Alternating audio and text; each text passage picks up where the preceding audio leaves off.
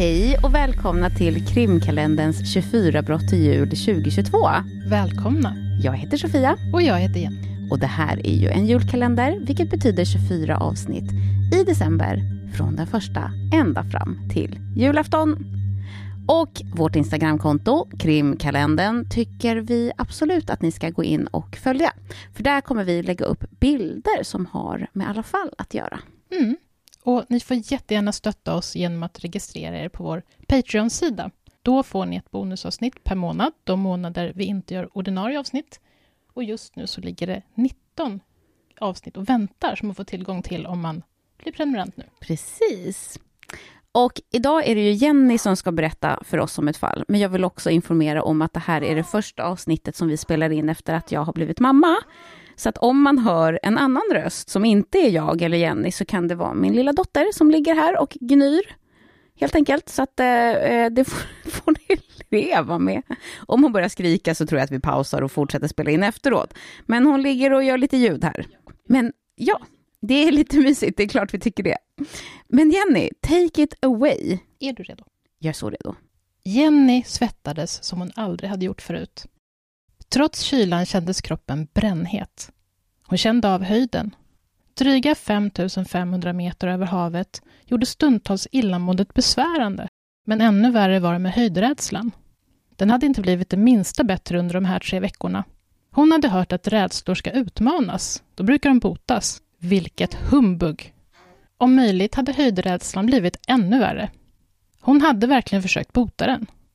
Förutom att leden låg på så hög höjd att det ibland kändes som att man kunde sträcka upp handen och känna molnen, så var de ibland tvungna att vandra på smala stigar som slingrade sig uppåt med flera tusen meters stup på ena sidan och rullgrus på stigen.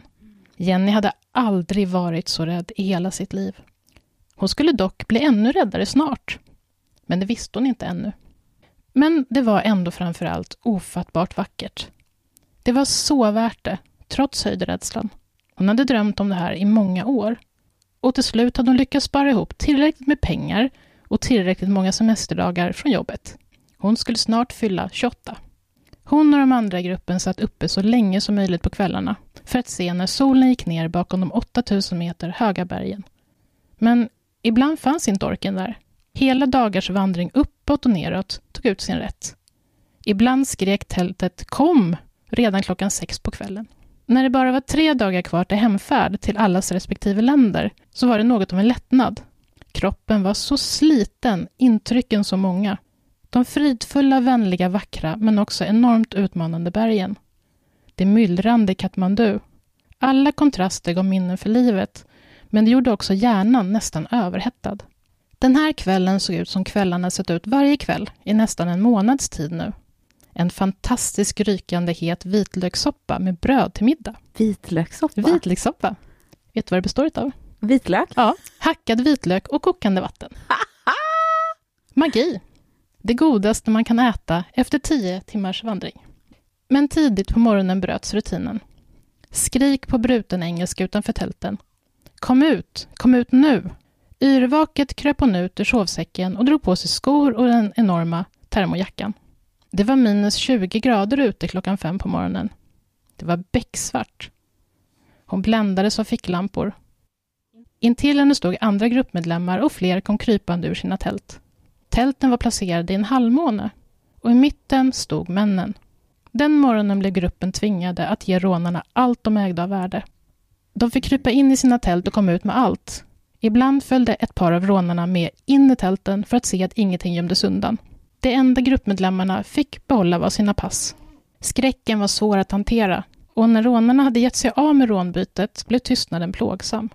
Alla var som paralyserade innan en av guiderna tog fram sin satellittelefon och ringde efter hjälp. Ett par dagar senare så var jag tillbaka på svensk mark. Jag, Jenny, och jag har absolut ingenting med dagens avsnitt att göra.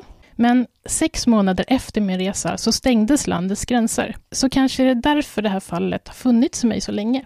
Verkligheten kom lite för nära den där gången i Nepal i slutet av år 2000. Men är det du som blev rånad? Ja. Det hände så nära inpå Ja. eh, att den här, det som manuset kommer handla om Ja. hände. Så jag har liksom, det är så, vad ska man säga, inte aktuellt, men det är så färskt Ja, i mitt nej, jag minne. fattar. Liksom. Jag har ett manus som jag har skrivit färdigt och som också är så här, det känns lite nära. Liksom. Ja. Men nog om mig nu. För nu kommer dagens avsnitt. Berättelsen om Dipendra Bir Bikram Shah. Okej. Eh, det här manuset kan jag också förvarna om. Jag är inte så bra på att uttala nepalesiska. Nej. Eh, men jag ska göra mitt bästa. Dipendra, kallad Dippi av sina vänner, föddes den 27 juni 1971 i det kungliga palatset i Naharajan i Nepals huvudstad Kathmandu. Hans föräldrar hade varit gifta i ett år när de fick Dipendra. Hans mamma var prinsessan Ashvara, hans pappa kronprins Birenda. När Dipendra var ett år gammal så dog Birendas pappa, kung Mahendra, den tionde shahen av Nepal, och Dipendras pappa Birenda fick ta över tronen. Han blev kung och hans gemål Ashvara blev landets nya drottning, vilket då såklart innebar att Dipendra blev, som äldste son, kronprins. Mm. Och i och med att Birenda blev kung blev han också den elfte shahen av Nepal. Och om det finns en gammal nepalesisk berättelse, eller myt om man så vill. År 1769 så vann Prithvi Narayan Shah kampen över de tre kungariken som då utgjorde Nepal. Han deklarerade att nu var landet enat och han var kung. Och när den nya kungen marscherade in i huvudstaden Katmandu mötte han en mystiker, en helig man som kunde spå och se in i framtiden. Mannen var mager och verkade trött och kungen erbjöd honom en burk med yoghurt som han hade med sig. Den helige mannen smakade på yoghurten och gav den sedan tillbaka till kungen, samtidigt som han sa att han välsignat yoghurten åt kungen. Men kungen blev inte glad. Visst, det var ju jättebra att yoghurten hade blivit helig, men han, kungen, ville minsann inte äta av någonting som någon annan redan smakat på, även om det var en vis mans läppar som hade vidrört hans yoghurt. Kungen kastade yoghurten på marken. Den heliga mannen bannade kungen för att han hade kastat bort någonting som kunnat mätta någon annan om nu kungen inte ville ha den. Dessutom, om kungen hade ätit upp den välsignade yoghurten så skulle kungen fått alla sina önskningar uppfyllda. Men nu gällde den välsignelsen verkligen inte längre. Kungen hade kastat bort en fantastisk gåva för att han var för högfärdig. Kungen tittade ner på sina fötter. Inte nog med att han hade varit dum nog att kasta bort yoghurten. Det förstod han ju nu när den heliga mannen hade läxat upp honom.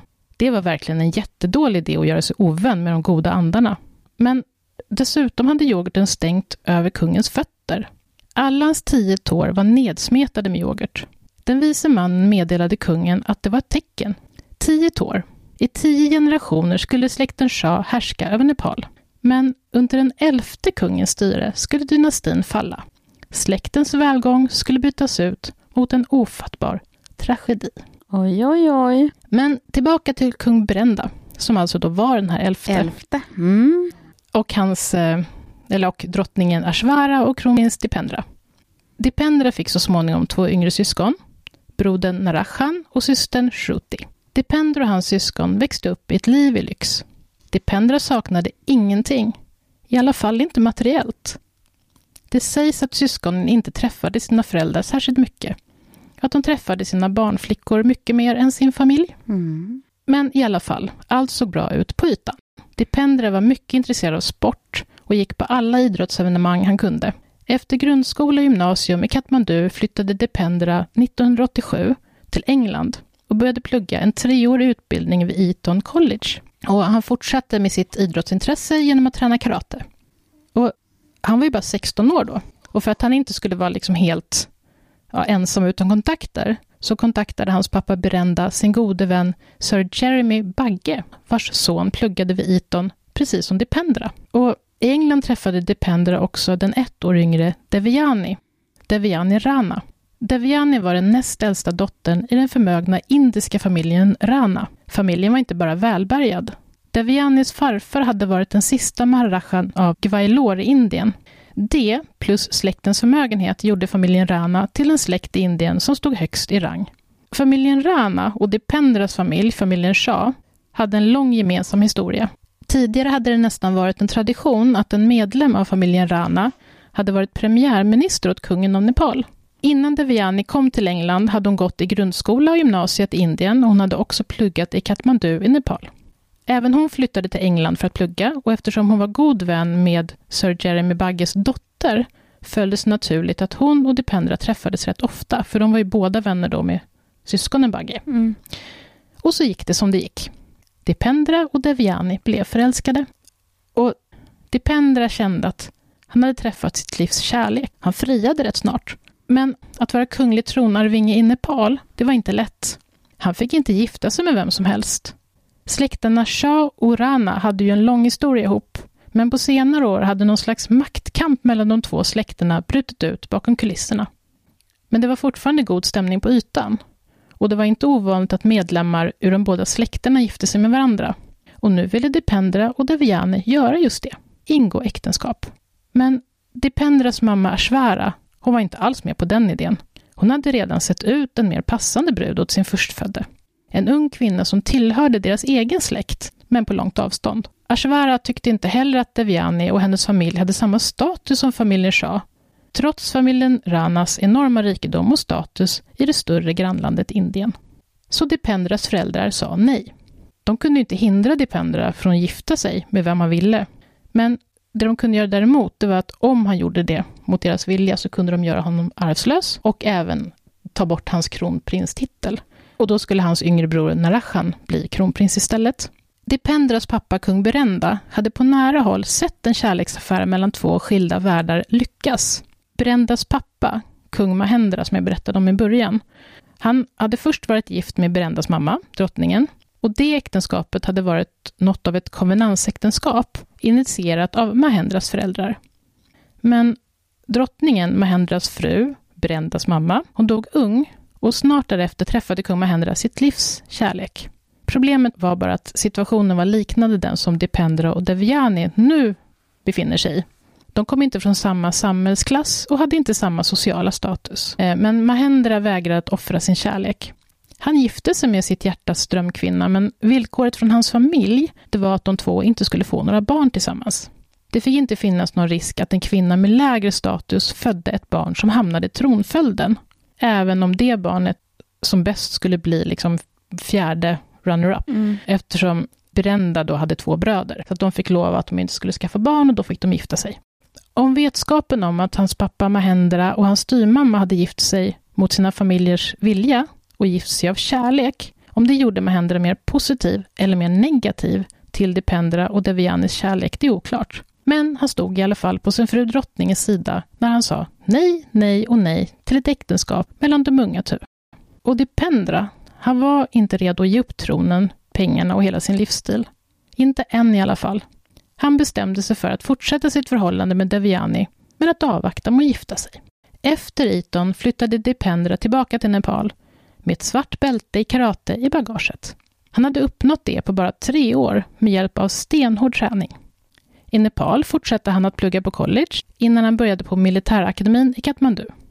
Efter det var det dags för universitetet, där han tog sin master i geografi och efter det var det dags för militärutbildning igen både inom den markbundna militären och flygvapnet där han utbildade sig till pilot.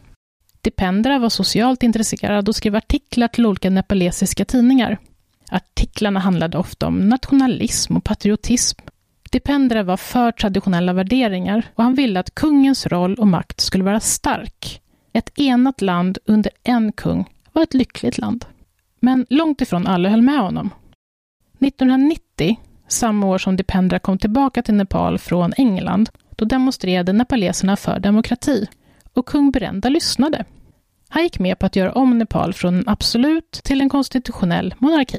Absolut monarki är ju en styrelseform där, ja, det är precis vad det låter som. Kungen eller drottningen har absolut makt och kan fatta i princip alla beslut som rör landet. Ibland finns en regering, men det är alltid kungen som har det sista ordet. Absolut monarki försvann snabbt i Europa efter den franska revolutionen ju, men i Nepal fanns den kvar väldigt länge. Tankar om att ingen människa är mer värd än någon annan och ingen ska kunna födas till makt började växa sig starka. Och ur det växte den konstitutionella monarkin. I den finns det en kung och eller drottning, men denna har bara en roll som statsöverhuvud på ett symboliskt sätt. Personen har ingen beslutande makt och det är det vi har i Sverige. Mm. Det finns också de länder som är en mix av de båda, där kungen har en viss makt, till exempel i Monaco och Marocko. Och nu vill alltså kung Berenda, som var rätt framåtblickande, eller man ska säga, rätt modern, också att det skulle bli en konstitutionell monarki, för att folket ville det, och så blev det det 1990. Mm, mm. Förutom att göra en förändring som skulle ta ifrån honom själv makten, så ville Berenda ta bort en hel del andra kungliga privilegier. Medlemmar i kungafamiljen som ägde företag till exempel, de var befriade från skatt. Mhm. Men däremot hade de rätt till alla bidrag som alla andra hade rätt till. Typ så starta företag-bidrag eller vad det nu fanns. Okej. Men de behövde inte betala skatt. Det här tyckte kung Brenda också var intressant. Eller snarare, eller snarare helt orimligt. Varför skulle kungafamiljer få fler möjligheter att tjäna ännu mer pengar? Vad gav dem rätten att inte betala skatt som alla andra? Men Dipendra, han höll verkligen inte med sin pappa om att det var en bra idé att övergå till en konstitutionell monarki. Dipendras tankar om monarkin var ju de rakt motsatta. Han tyckte att kungen skulle ha så mycket makt som möjligt. Det sägs att Dipendra fick ett raseriutbrott och sparkade sönder en dörr när han fick höra om sin pappas beslut. För att det skulle ju också påverka Dipendras roll den dagen han skulle bli kung. General Vivek Kumar Shah, som hade arbetat nära kungen i 26 år från att Dipendra var nästan nyfödd, har sagt, översatt citat. Dipendra var som två personer i en. På utsidan var han mild och mjuk, väldigt omtyckt av alla. Men inuti mådde han inte lika bra. Han fick inte tillräckligt mycket kärlek som barn. Han verkade ha ett sadistiskt drag. Jag kom på honom med att elda upp en katt och en mus. Han verkade gilla att göra det. Men hjälp. Slutcitat. Dipendra var väldigt fascinerad av vapen. Redan som ung började han samla på vapen av olika slag, mest skjutvapen. Och flera av dem förvarade han i sitt rum, liksom laddade. In, inte inlåsta, utan laddade. Han hade ett M16 automatgevär och en MP5, också det ett automatgevär. Han hade ett jaktgevär, flera pistoler. Enligt den här generalen Shah så hade Dipendra allt i vapenväg. När helst militären i Nepal fick in något nytt, modernt vapen, då såg Dipendra till att få ett exemplar han också. Mm. Den här generalen och flera andra anställda i palatset, de kände sig obekväma med att Dipendra hade vapen liggande löst i sitt rum. Ingen kände att de kunde göra någonting åt saken. Dessutom var det inte särskilt ovanligt med vapen som hanterades lite ovarsamt i släkten Shah. Det var liksom inte ovanligt att vissa av familjemedlemmarna hade en pistol i fickan när de gick på middag. Men, la generalen till, kronprinsen hade trots allt sin mjuka sida också. Han gillade att gå på puben och gå på fest. Han gillade att ha roligt, att slappna av, sjunga och dansa med sina kompisar. Dipendra och Deviani, de fortsatte att träffas. I kungahuset ångade det av kungen och drottningens vrede. Gång på gång protesterade drottning Ashvara mot Dipendras och Devianis förhållande. Men så länge de inte gifte sig, då fanns det liksom inte mycket hon kunde göra åt saken mer än att vara missnöjd. Åren gick. Kungaparet fortsatte att vara missnöjda med Dipendras val av flickvän. Livet i palatset fortsatte ändå nästan som vanligt. Skillnaden var att kungen inte längre behövde tillbringa lika mycket tid i sitt arbetsrum längre, nu när hans makt hade dragits ner till ett minimum. 1996, alltså sex år efter att de har övergått till konstitutionell monarki, så startade maoistgerillan NKP en väpnad kampanj i Nepal, vilket ledde till inbördeskrig. En maoisk gerillagrupp ledd av Pushka Kamal Dahal laddade sina vapen den 19 februari 1996. De hade siktet inställt på polisen. Ett antal polisstationer i tre av Nepals olika distrikt angreps. Gerillans mål var att störta kungen och ge makten till folket. Den absoluta monarkin hade varit en skam för Nepal enligt dem. Och även om den konstitutionella monarkin liksom var ett steg i rätt riktning, Mm. så var det fortfarande liksom helt fel, för det var fortfarande inte demokrati. Och något måste göras åt det. Gerillan behövde göra revolution och rädda landet. Det borde inte finnas en uppdelning i status mellan olika människor, vare sig det gällde vilken släkt man tillhörde, hur mycket pengar man hade eller vilket kön man tillhörde. De här striderna fortsatte i flera år. När inbördeskriget var slut och förlusterna räknades ihop så hade kriget kostat nepaleserna minst 12 500 människoliv. Och striderna tvingade även två miljoner nepaleser i landsflykt, varav de flesta kom att befinna sig i Indien. Där inbördeskriget skulle fortfarande hålla på några år till, ända till 2006. Men vi ska stanna till i år 2001. Mm. Det var fredagen den 1 juni och det skulle hållas familjefest i familjen Shahs kungapalats. Palatset ligger i den norra delen av Katmandu, alltså i princip inne i stan. Det ursprungliga palatset byggdes år 1915 och jag kommer lägga ut bilder på Instagram. Jag kan beskriva det lite som ett palats med starka engelska influenser. Det är som ett fyrkantigt vitt palats. Ser lite ut som Buckingham Palace typ, fast kritvitt. Och trots att Nepal är en av länderna som inte koloniserades av England, så kan man anta att det ändå fick influenser därifrån, bland annat via grannlandet Indien, som var koloniserat fram till 1947. 1963 började ett nytt palats byggas och det gamla rivas och i samband med att Dipendras föräldrar gifte sig 1970 så invigdes det nya palatset. Och det var byggt en helt annan, mer nepalesisk stil. Så att om man åker dit nu, då ser palatset inte ut som ett liksom, engelskt palats, okay. utan det, det ser helt annorlunda ut. Det består av ett antal olika byggnader runt en stor pagod. Palatset är liksom inte ett hus, det är många hus. Ja. Och i centrum står den här pagoden och det är inte ett tempel, det är mer man samlar heliga skrifter där. På palatsområdet finns olika små trädgårdar i olika stilar, konst och små torg. Det är liksom som en liten stad inne i staden. Huvudbyggnaden är 3800 kvadratmeter stort och har inte samma traditionella stil på insidan som på utsidan. För inuti så har den jätte, liksom, vad ska man säga, senviktoriansk prägel. Extra allt, sammetsdraperier och huvudbyggnaden är indelad i tre delar, eller flyglar. En privat del för kungafamiljen, en del för gäster och en del för representation och ceremonier. Totalt har byggnaden 52 rum. Och när man kommer in i den här stora entréhallen så är en av de saker man först får syn på är två uppstoppade bengaliska tigrar som liksom står uppställda som att de är på språng. Och de här två tigrarna har jagats och dödats av kung Brenda och hans pappa, alltså den tidigare kungen Mahendra. Och här skulle det alltså hållas fest. Det var den första dagen i juni 2001, en fredag, vilken dag passar bättre än så för en familjeträff?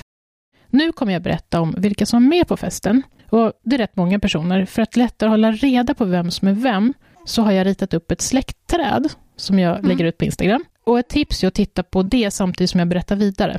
De personer som är huvudpersoner i berättelsen har jag färgmarkerat, så att man vet vilka, Smart. vilka man bara kan låta fladdra förbi och vilka som man kan koncentrera sig på, men alla måste vara med av olika anledningar.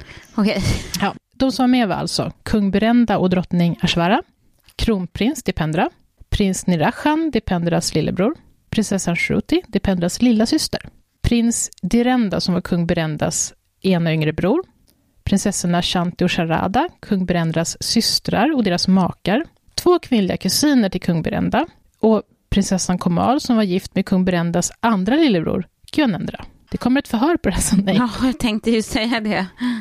Men den här Gyanendra, han är en väldigt viktig person i den här historien. Okay. När han föddes 1947 så bad hans pappa om att en astrolog skulle komma till palatset för att spå sin nya sons framtid. Astrologen genomförde sin spådom och tittade sedan allvarligt på kungen och uttalade sin dom. Det här var illa. Gyanendrans pappa, som då var kronprins, han fick inte titta på sin son Gyanendra en enda gång till, sa då den här astrologen. För då skulle Gyanendras pappa, kronprinsen, få otur med allt för resten av livet. Gyanendra skulle alltså dra otur över hela sin familj om han fick bo kvar med sina föräldrar och storebror Brenda. Så Gyanendra skickades för att bo med sin farmor. Men så blev det stökigt politiskt i Nepal 1950 och den dåvarande kungen, Gyanendras och Brendas farfar, han gick i exil tillsammans med hela sin familj. Eller ja, inte hela sin familj. Gyanendra, han var ju på något sätt utstött ur familjen eftersom han ansågs bära på sig den här dåliga karman, eller vad man ska mm, säga. Mm. Så han fick inte följa med. Mm. Och då var han fyra år gammal. Ja. Istället utropades han till kung. Han skulle få hålla ställningarna tills allt det här politiska strulet löste sig. Som tur var så gjorde det det ett år senare, så att han behövde bara vara kung då, eller tills han var fem år. Ja. För då kunde hans farfar kungen och resten av familjen komma tillbaka. Som vuxen så började Gyanendra umgås med sin familj igen.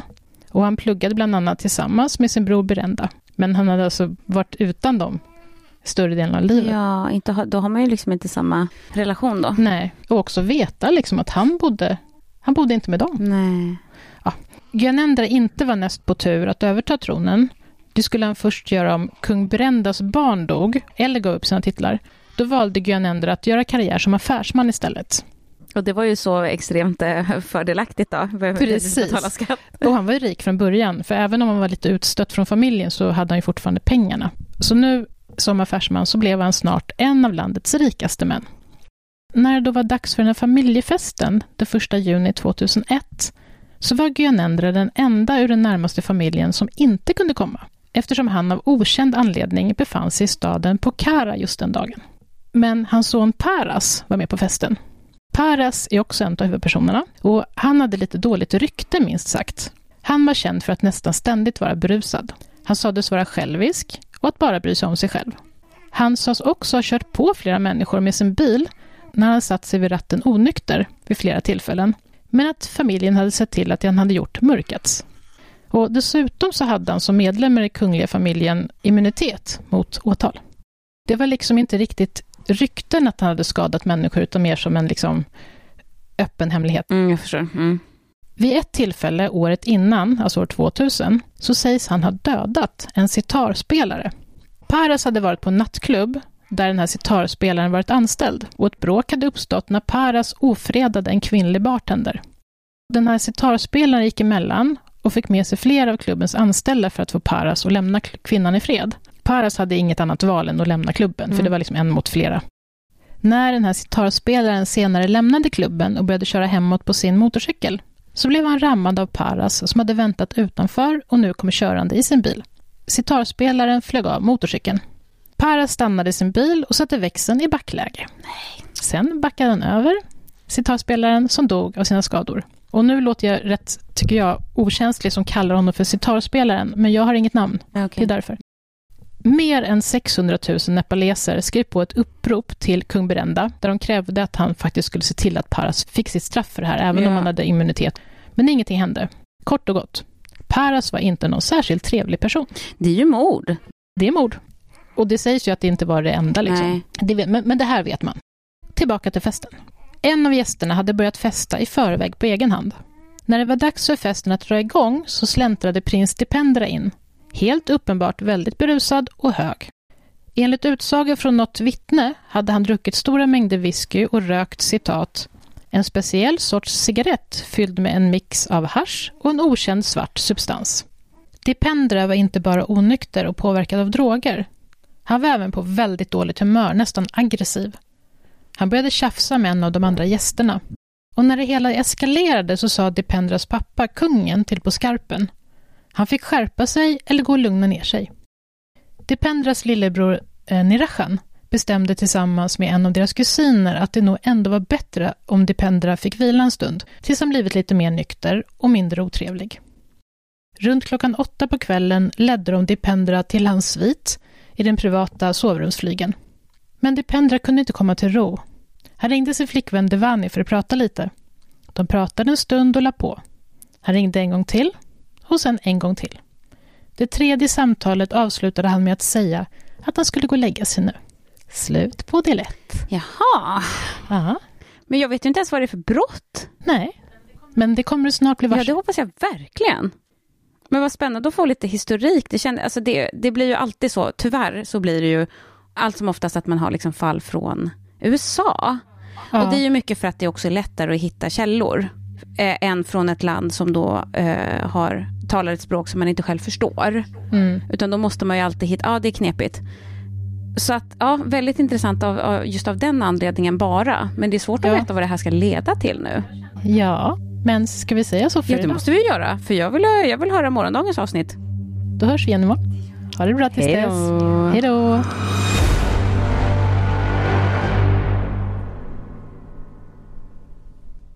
Naravaje, Naravanhiti, Naravanhiti,